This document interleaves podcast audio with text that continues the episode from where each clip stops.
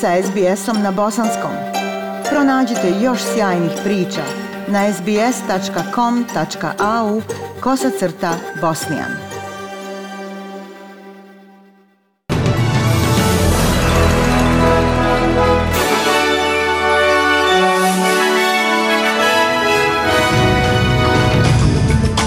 U današnjim vijestima poslušajte – Novi Južni Vels bilježi 77 novih i jedan smrtni slučaj koronavirusa.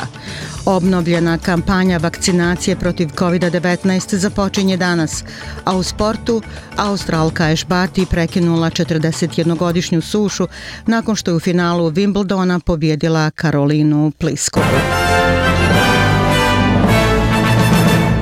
Slušate vijesti SBS radija na Bosanskom. Tokom noći Novi Južni Vels zabilježio je ukupno 77 novih i jedan smrtni slučaj COVID-19. Premijerka Novog Južnog Velsa Gladys Berejiklian kaže da je 33 od njih bilo u zajednici dok su bili zaraženi, a preko 50 slučajeva članovi su bliskih porodica zaraženih. Nažalost, taj trend će se nastaviti s obzirom da broj ljudi izloženih u zajednici preko noći. Pretpostavljam da će u brojevi u Novom Južnom Velsu sutra biti veći od stotinu i šokiraću se ako ovog puta sutra bude manje od sto novih slučajeva. Ne možemo dovoljno naglasiti važnost poštivanja pravila, ali i prepoznavanje rizika. 32 slučaja bila su izolovana tokom cijelog zaraznog razdoblja Devet slučajeva bilo je izolovano dio svog razdoblja, a tri slučaje su i dalje pod istragom. Blizu dvije policajaca raspoređeno je na jugozapadu Sidneja, ciljajući na članove zajednice koji se ne pridržavaju strogih mjera zaključavanja, ali glavni zdravstveni službenik Novog Južnog Velsa, dr. Kerry Chant, kaže da fokus nije samo na jugozapadnom Sidneju. Mi pažljivo um, motrimo i na druge dijelove grada Sidneja, stoga je važno širom države nastaviti izlaziti na testiranje. Bilo je ugodno vidjeti da smo sinoć do 19 sati prijavili 48.000 testova. Šire područje um, grada Sidneja zaključano je do 16. jula, ali premijer je rekao da bi zajednica trebala biti pripremljena za produženje, što izgleda vrlo vjerovatno. Savezna vlada pokrenula je novu reklamnu kampanju pozivajući Australce da se naoružaju vakcinacijom protiv COVID-19. Riječ je o glavnoj obnovljenoj kampanji protiv COVID-19 u vrijednosti 41 miliona dolara koji će pomoći u planiranju izlaska iz globalne pandemije. Ministar turizma Dentian kaže da će odgovoriti onima koji se još uvijek dvoume oko imunizacije. Nema sumnje da je jedna od stvari koju ćemo i tekako željeti učiniti da osiguramo svim Australcima sigurnost vakcine, da izađu i vakcinišu se. Ova reklamna kampanja ima za cilj osigurati da Australci to učine i to nevjerovatno važno je i zato oglašavamo posljednjih mjeseci i zato ćemo ubrzati kako bismo bili sigurni da pojačavamo uvođenje vakcina, da se sve više i više ljudi ljudi vakcinišu.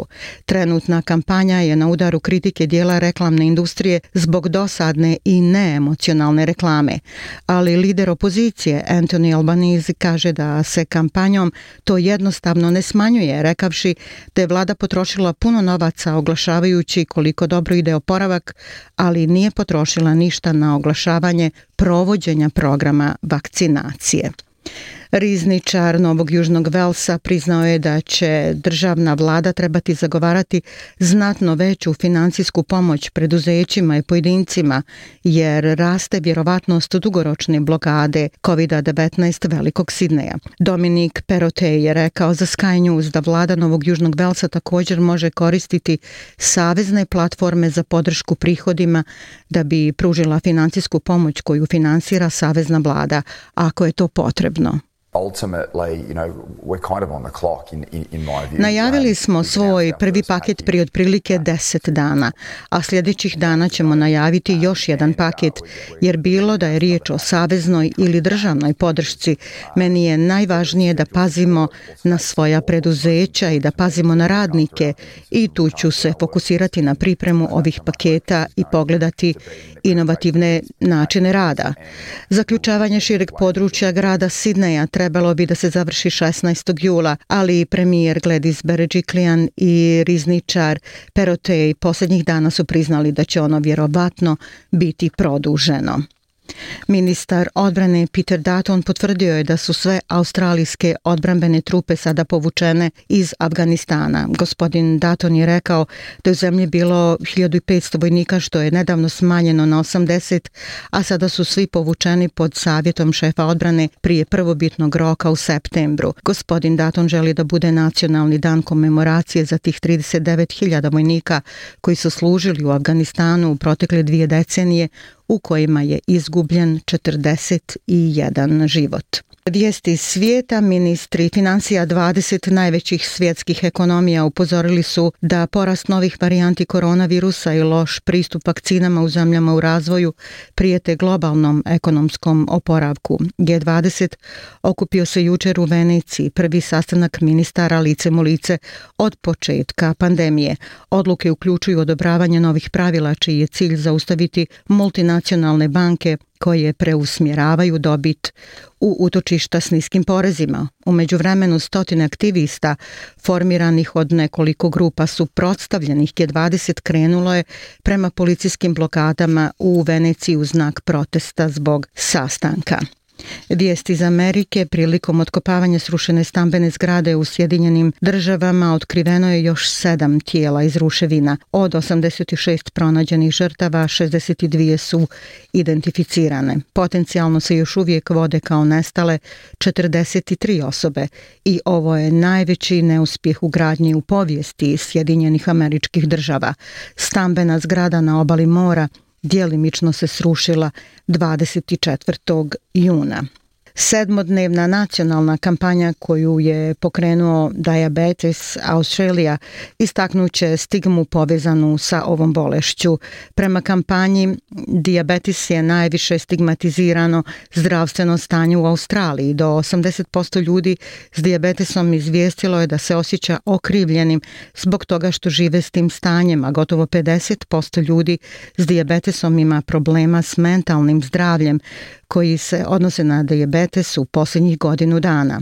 Nacionalna nedelja dijabetesa 2021. traje od danas do 17. jula.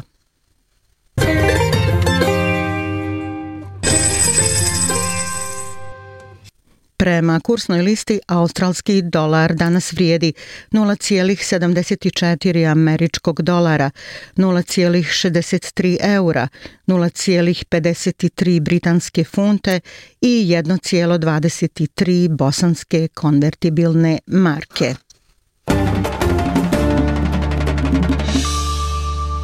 Vijesti sporta. Ash Barty postala je prva Australka koja je osvojila Wimbledon u posljednjih 41 godinu nakon što je pobjedila Karolinu Pliskovu tri seta.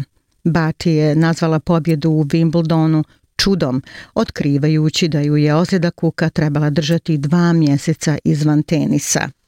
It, it, took me a long time to, to verbalize the fact that I wanted to, to dare to dream it and say I wanted to win this incredible tournament. And, and Trebalo mi je puno vremena da verbaliziram činjenicu da sam se željela odvažiti na san i kažem da želim pobijediti na ovom nevjerovatnom turniru i da sam sada mogla proživjeti svoj san sa svima ovdje, učiniti ga boljim nego što sam ikada zamišljala. Nisam puno spavala sinoć, razmišljala sam o svemu, što ako, ali kada sam izašla na ovaj teren osjećala sam se kao kod kuće, mogla sam to podijeliti sa svima ovdje, a moj tim je nevjerovatan. Premijer Australije Scott Morrison na Twitteru je Bači nazvao velikim australijskim šampionom i generacijskim postignućem.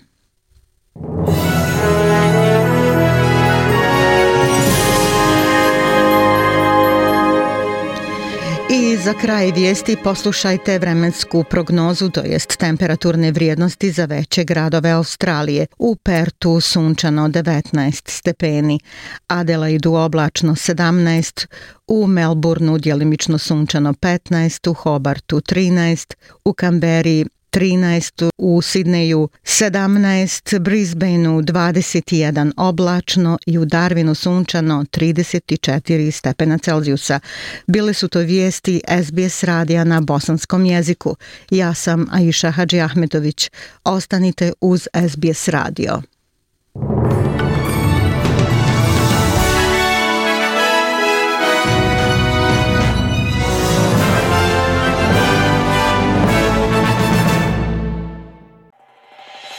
SBS na bosanskom.